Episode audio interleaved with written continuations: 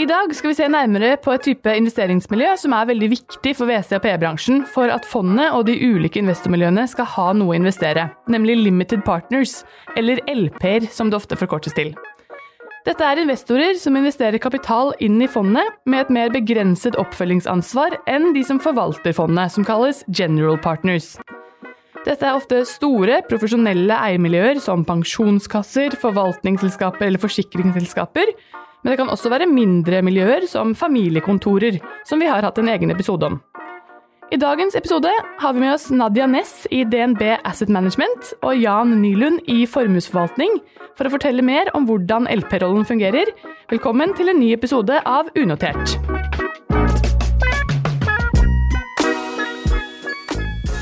Hei, Nadia og Jan. Velkommen til Unotert. Hei, tusen takk. Takk for det. Nadia, kan du begynne med å fortelle kort hva DNB Asset Management gjør? Det kan jeg gjøre. Eh, DNB Asset Management er jo en av de største forvaltningsmiljøene i Norge som forvalter penger på vegne av norske kunder.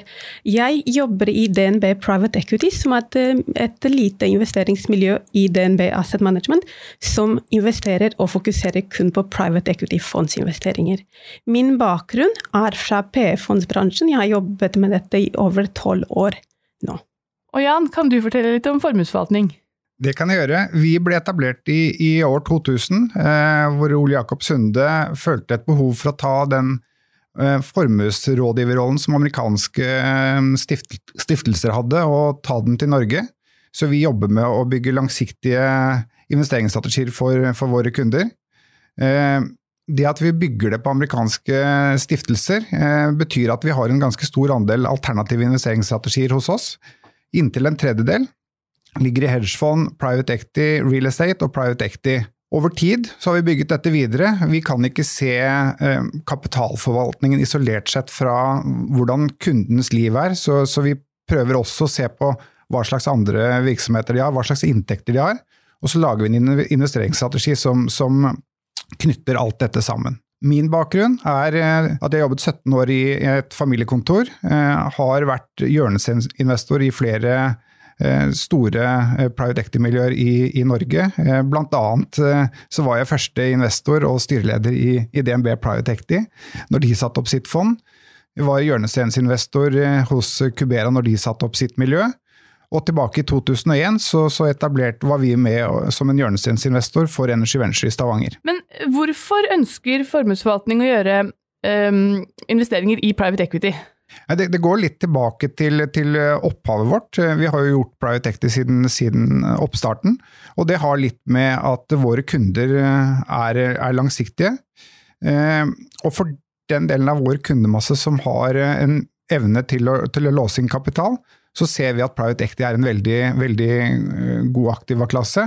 I tillegg så har den gitt en robust, robust god avkastning over tid.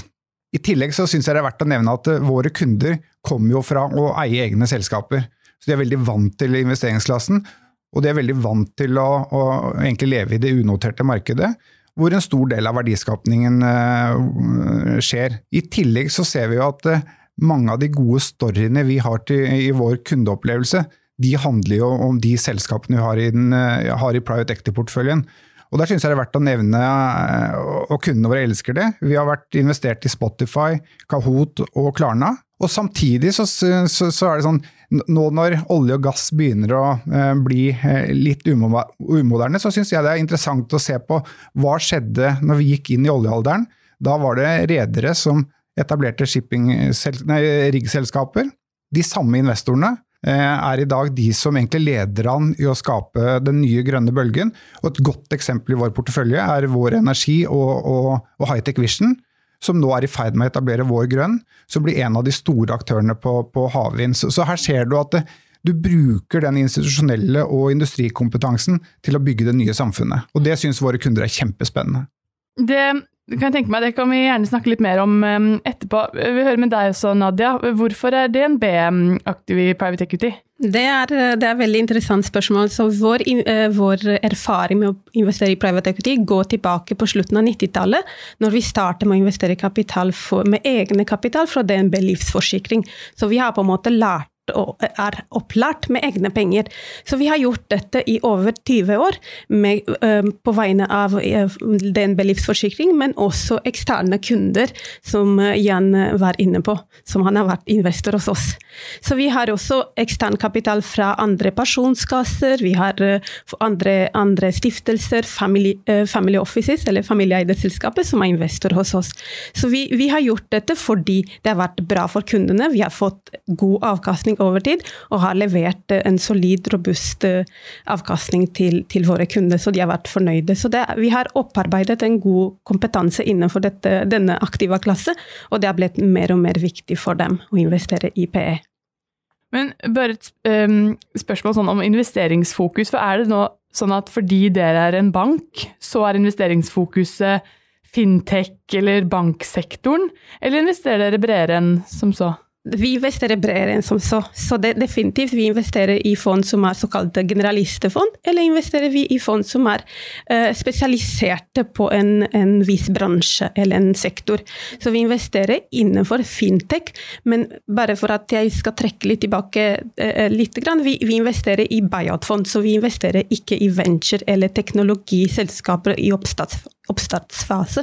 Nei. Vi investerer i modne bedrifter. Så hvis jeg sier at jeg gjør, vi gjør fintech-investeringer, da er det innenfor buyout. Mm. Så det er selskaper som har en forretningsmodell uh, uh, som fungerer, som har en positiv bunnlinje. Mm tilbake til, til, spørsmålet ditt, så investerer vi generalister, men også spesialiserte fond som kan være innenfor De kan være spesialiserte på software, teknologi, uh, helse, uh, fintech, men ikke, ikke, i bank. Vi investerer nok i ikke asset-heavy type bankinvesteringer vi gjør hvis det er en teknologi innenfor finansielle tjenester. Det kan være forsikringsmegling eller digital markedsføring for banker og, og meglertjenester osv.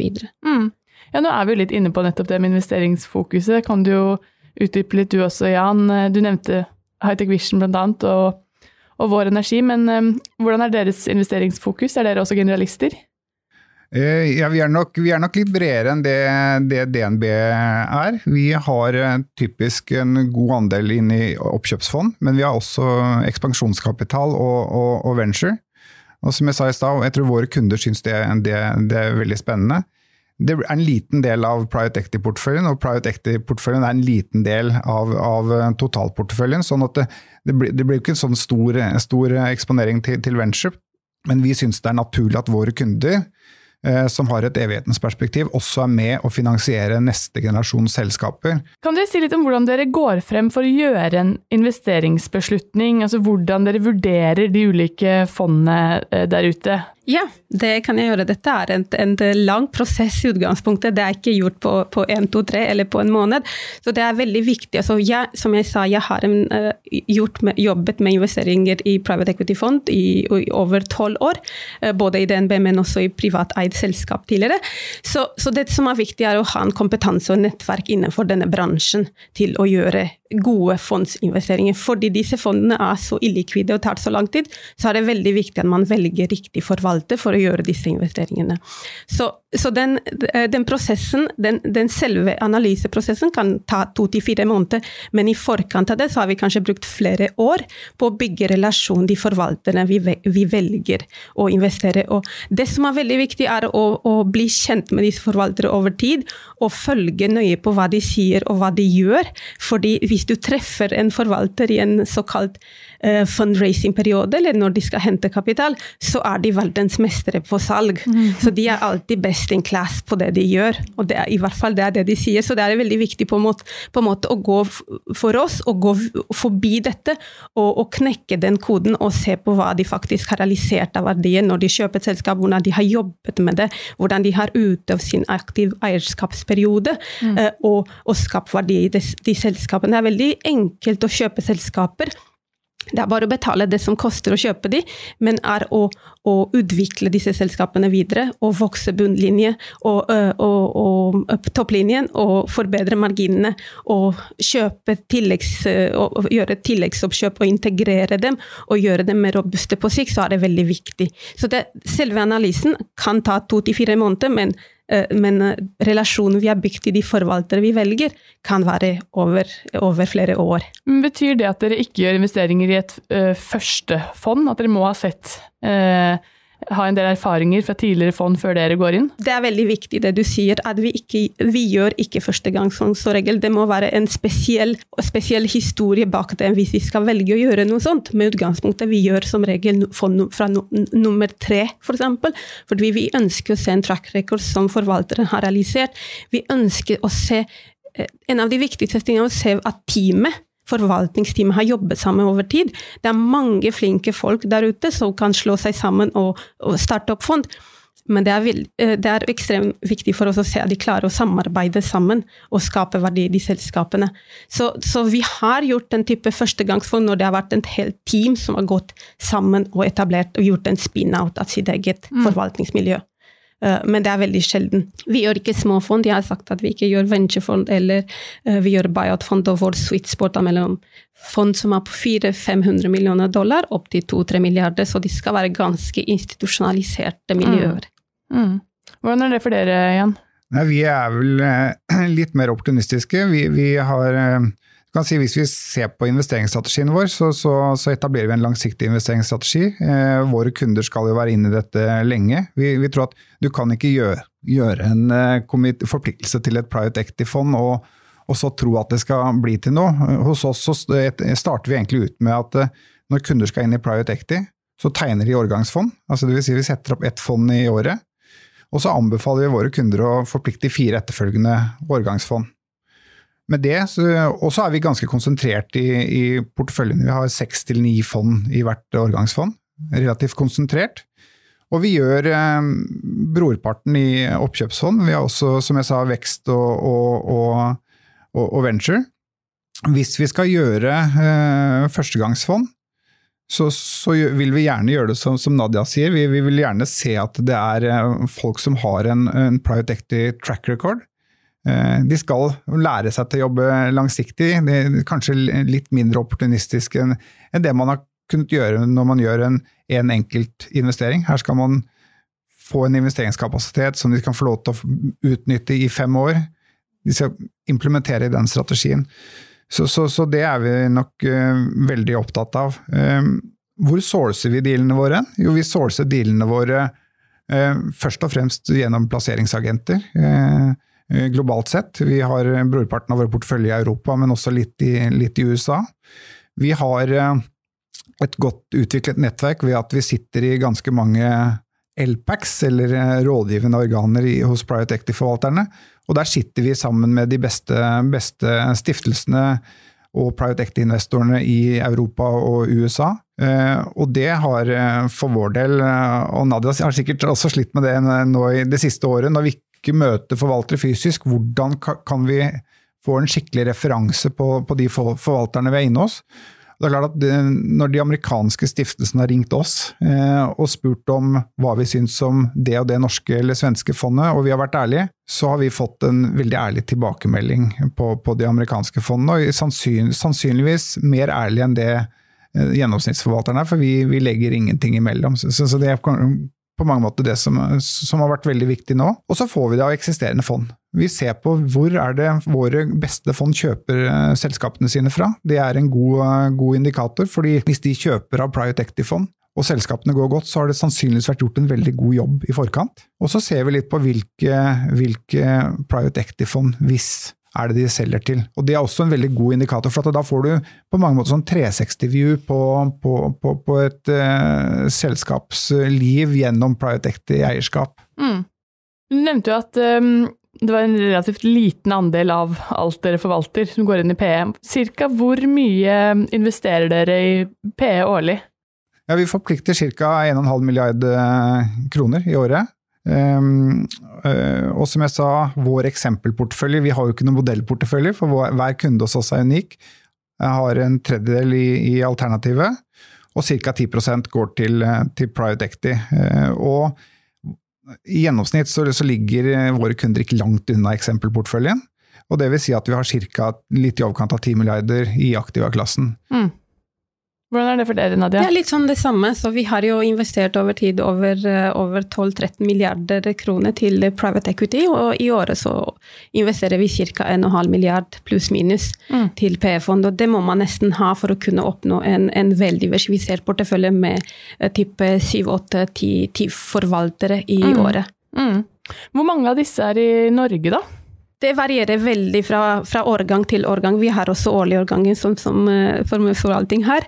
Uh, så det varierer veldig ut ifra hvilke type miljøer som er i markedet for å hente kapital. Så vi skal jo alltid Vi ønsker å ta de beste fondene som er innenfor våre, våre, vårt fokusunivers til enhver tid. Så vi skal plukke Vi skal ikke ta de norske miljøene bare fordi de er i bare fordi de er i Norge. Vi skal bygge en solid robust portefølje som skal stå seg over tid. Mm. Om de er norske eller nordamerikanske eller vesteuropeiske, det er det er på en måte våre markeder. Uh, uh, så er så, men hvis jeg, hvis jeg, skal si det, så utgangspunktet over tid, så har vi kanskje gjort en tredjedel Norden. Uh, en tredjedel Vest-Europa, en tredjedel Nord-Europa, men dette varierer fra årgang til gang. Det har vært årganger hvor vi ikke har hatt noe i Norge. Mm, okay.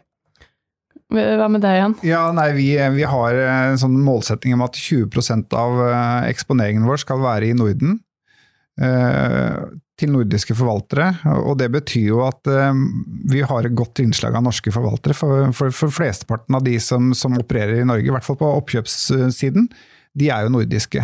Du har Norvestor, du har FSN som, som, har bygd seg en solid posisjon og har vokst ut her. Vi har Verdane som har vokst seg ut av det å være, være norskbasert. Nadia, dere omtaler dere som en aktiv og forsvarlig fondsforvalter. Men i dette begrepet limited partner, hvis vi skal eh, utforske det litt mer, eh, så ligger det jo en begrensning. Så hva er disse begrensningene, og hvor langt kan dere strekke dere i den aktive rollen som en LP? Det er et interessant spørsmål. Altså, avtalen mellom oss som limited partner og general partner, GPN, er jo regulert gjennom dette limited partnership agreement, så vi inntrer når vi tegner oss eller vi investerer i et fond. Og der måten som, som forvalteren skal opptre, hvilken strategi de skal følge og alt det der, den er regulert i denne avtalen som vi inntrer.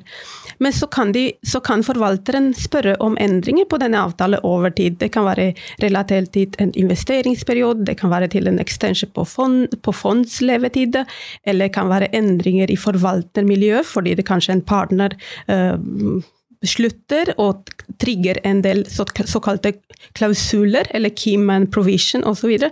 så de må spørre om å gjøre endringer på avtaler fra sine limited partners. Så dette er noe som og det krever oppslutning på kan være to tredjedeler eller 75 oppslutning fra investorene i et fond. Så de er avhengig av å få uh, endringer på avtaleverket fra oss som investor. Mm. Uh, en annen ting å, å, bemerke er jo at vi er veldig opptatt av ESG. Eh, så vi har et sidebrev for eksempel, som vi alltid signerer og ber forvalteren signere i forkant av å tegne oss i et fond. Mm. Og det sidebrevet går veldig mye på ESG-aspekter. Vi følger retningslinjene til banken. Eh, vi, vi, kan ikke investere i visse bransjer. Og gjennom dette tvinger vi også eh, forvalteren til å til å justere på, på hvilke type bransjer de investerer. Vi, vi, kan, vi er oppsluttet. Uh, eh, DNB er signatory av United Nations Principle for Responsible Investments, eller OECD. Uh, og OECD-retningslinjer osv. Uh, vi har et eget ESG-team i DNB Asset Management som jobber med det.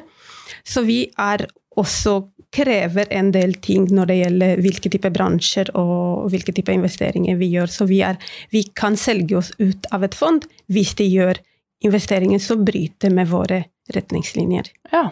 Dette har vi gjort de siste 15 årene, og dette er en sånn no go fra vår side for å investere i et fond. Det har vært lettere når vi startet med dette, det var lettere i Norden, det var lettere i Europa, og vanskeligere i USA. Men så ser vi en trend at dette har blitt mer og mer akseptert i Nord-Amerika også. Vi, vi, ser jo det at det å være nordisk eh, investor har et konkurransefortrinn når vi skal inn til attraktive amerikanske forvaltere. Fordi, som, som du sier, Nadia, eh, USA ligger langt bak. Vi har eh, institusjonalisert dette med, ESG og bærekraft eh, hos våre nordiske forvaltere. De ønsker å lære, de ønsker å ha krevende, krevende kunder. Så, så, jeg ser jo at vi har passert køen i, hos meget gode forvaltere i USA. Rett og slett fordi vi, vi er basert i Oslo. Eh, så, så det syns jeg er kjempespennende. Mm.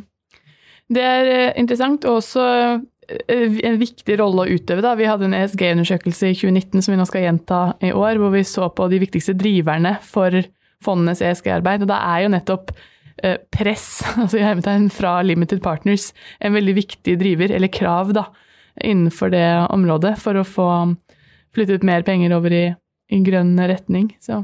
Jeg tenkte bare jeg skulle legge til én ting. Vi, har, vi, er jo veldig opptatt av å rapportere til, til, våre kunder. og På alle våre likvide produkter nå så har vi ESG-score og carbon footprint som de kan, kan se på, på, appen sin. Se hvordan det ser ut i forhold til verdensindekser, i forhold til lokale indekser. Eh, og jeg tenker at det å måle er det beste utgangspunktet for, for å få til endring.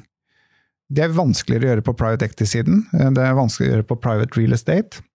Men vi har som ambisjon å måle det til våre kunder også over tid. og vi kommer til å starte et testprosjekt hvor vi, hvor vi gjør dette liksom med, har en markedstilnærming til det, istedenfor å ta en bottom up-tilnærming. Men, men, vi tror igjen det kommer til å være et uh, konkurransefortrinn når vi snakker med, med, med utenlandske forvaltere. Og vi ser at de elsker det, at vi har de diskusjonene med dem. Mm. Hvis jeg skal bare si en ting til. Vi, vi, gjør, vi, vi signerer dette sidebrevet med forvalter, men vi også gjør en veldig aktiv monitorering av hele porteføljen vi har. Vi registrerer alle porteføljeselskapene en, en, en database som gjør en kontinuerlig uh, vurdering av de selskapene vi har. Uh, så, og vi får varsle hvis det har dukket opp ting som vi ønsker å undersøke videre. I tillegg, når vi skal investere i et selskap eller et selskap, eller forvalteren investerer i et selskap og, og sender en capital call, eller kapitalinnkalling til oss som investor, vi gjør alltid en screening av selve porteføljeselskapet som har blitt kjøpt, så vi sender ikke penger til forvalter før vi vet hvilke navnet på selskapet, gjør en, en, eh, en ESG-screening på det respektive selskapet. Mm. Så vi er ganske på en måte aktive også på den monitoreringen i etterkant, slik at de etterlever det de sier at de skal gjøre. Mm. Så bra. Det er jo det er fint. Godt å høre. Vi, skal, vi, må runde av snart. men um, Dere har jo nevnt litt om investeringsfokuset deres. Men jeg er litt mer nysgjerrig på, er det noen sektorer eller noen bransjer som dere tenker er spesielt interessant eh, for dere nå om dagen? Vil dere si litt om det? Vil du begynne, Nadia? Altså, vi gjør jo både generalister og spesialiserte fond, men vi gjør såkalte asset light-type investeringsselskaper fordi vi syns at den private equity-modellen fungerer best for selskaper som har en forretningsmodell som går an å skalere. Det vi ikke gjør lenger, er type asset heavy. Så kan det være oljerigger eh, i Nordsjøen eller sånn type liksom, som, som, krever veldig mye kapital. Så vi gjør type, veldig mye teknologi helse, uh, ikke biotek. Vi gjør som jeg har nevnt, vi ikke gjør venture eller type vekst, uh, men, men, selskaper som har en teknologi, og tech-enable, mm. selskaper som kan ha en teknologi som kan utnyttes på tvers av sektorer. Mm. Så det er det vi gjør. Vi gjør veldig lite innenfor såkalte sykliske sektorer, så type retail. Eh, så vi, vi forholder oss mer til type trender som har en sånn medvind, kan være helsetech, og, og en god del av sånn bærekraftvinkler i mm. selskapet. kan være fornybar uh, og avfallhåndtering eller sånn type ting. Mm. Vi har eh, et ganske stort fokus på, på life science om dagen. Ehm, vi følte kanskje at uh, tidligfase tech var litt høyt priset for, for to år siden. Mm. Og da kan man tenke hva, hva, vi tror om det nå. Så, så, så, så, vi har brukt egentlig mye tid og ressurser på, på, å komme oss inn i en del gode life science-forvaltere. Det er kjempespennende. Mm. Eh, I hvert fall sånn når vi ser utviklingen av covid-vaksiner, hvor, hvor, raskt det har skjedd, og hvor det egentlig har kommet opp helt nye måter å lage vaksine på. Her kommer det til å skje så mye spennende, så, vi, vi syns det er kjempespennende å være eksponert der. Eh, det å lære, altså sånn generelt det å livslang læring, være inne i kunnskapsindustrier, forvaltere som er flinke på det, syns, syns vi er veldig viktig. Hatt, hatt det lenge, men, men, kanskje litt mer eh, Litt tyngre vekt på det de siste, siste, to årene. Men vi har jo Kahoot, som er midt i, midt i kjernen av det. Eh, vi tror at eh, fond som har en veldig god digitaliseringskompetanse, og der er, vi har mange gode, gode porteføljen. Jeg, tenker Hvis jeg trekke, hvis jeg skal trekke fram et par, så pleier jeg alltid å trekke fram én. Og det er Verdane, som vi har vært med siden 2003, som er helt fantastisk til å digitalisere og bruke teknologi til, til å vokse selskapene sine. Og vi ser etter det hos forvalterne.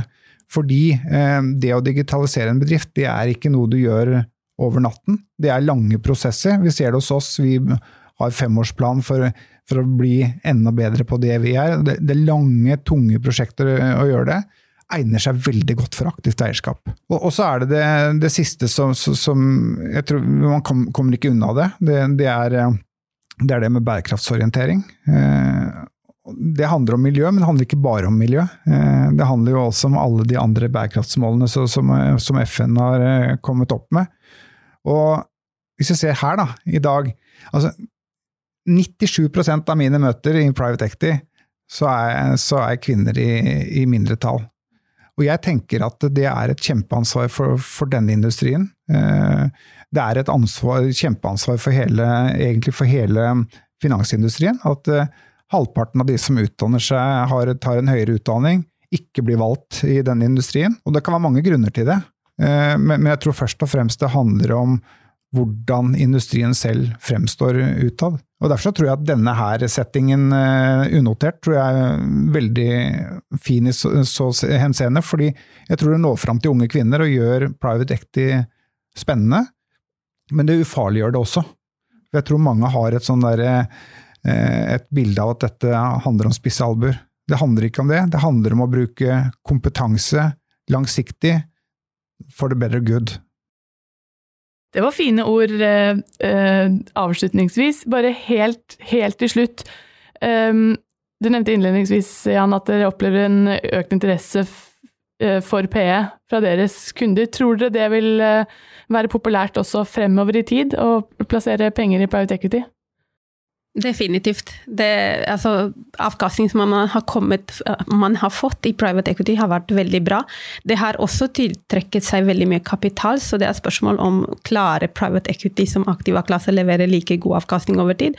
Vi tror at de beste forvaltere vil klare det. Det er ganske stor forskjell mellom de beste forvaltere og sånn såkalte tredje kvartils eller litt sånn medium, medium forvaltere der ute, så det er veldig stor forskjell. så Derfor er det veldig viktig å ha den riktige kompetansenettverk for å komme i de beste for de beste ofte får kapital fra sin investorbase. De trenger ikke å markedsføre seg, og derfor vi, vi bruker vårt nettverk til å få tilgang til de som er virkelig overkommittert, eller såkalt oversubscribed, for å komme i dem. Mm. Jeg, jeg, tenker at eh, Hvis vi ser tilbake på amerikanske universitetsstiftelser igjen, så er det sånn at jo større de er, jo større allokering har de til, til private equity. Og Sånn er det også med, jeg tror også med vår, kundebase. er sånn at den eh, Formuen øker. Mindre andel av formuen går til å finansiere det daglige liv. Du har en større innlåsningsmulighet i, port i porteføljen. og Derav så tror jeg at uh, private equity-allokeringen, eller allokeringen til uh, alternative aktivaklasser, kommer til å øke i tiden framover. Så bra. Jeg lar det være siste ord. Jeg skal bare kort oppsummere det vi har vært gjennom de siste, de siste snaue halvtimen. Eh, dere har fortalt det at eh, dere har kunder som er langsiktige og har muligheten til å låse kapital lenge, og at dere er i PE fordi dere har sett en robust avkastning over tid, eh, og fordi man etter hvert ser mange gode historier om det å bygge selskaper, og det er noe kundene deres er interessert i å være med eh, på. Så har vi hørt at selv om DNB og formuesforvaltning har litt forskjellig tilnærming til PE, så sier dere begge at investeringsprosessen er lang, man må tenke langsiktig for disse investeringene. Man trenger kompetanse og nettverk innenfor bransjen.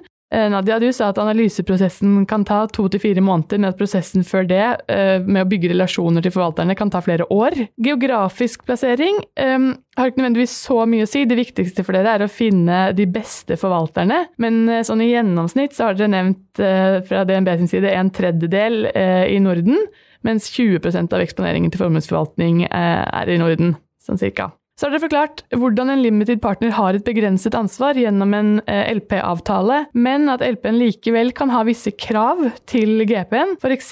innenfor ESG, som dere har snakket litt om. Og her sier dere begge to at det er et konkurransefortrinn å være en nordisk investor. Og så vil jeg ta med Jans eh, oppfordring til kvinner helt på slutten om at dette er en eh, interessant bransje å være i, og at vi bør ha som mål om at 50% av de som utdanner seg innenfor faget vårt også har lyst til å jobbe i PE. Høres det greit ut?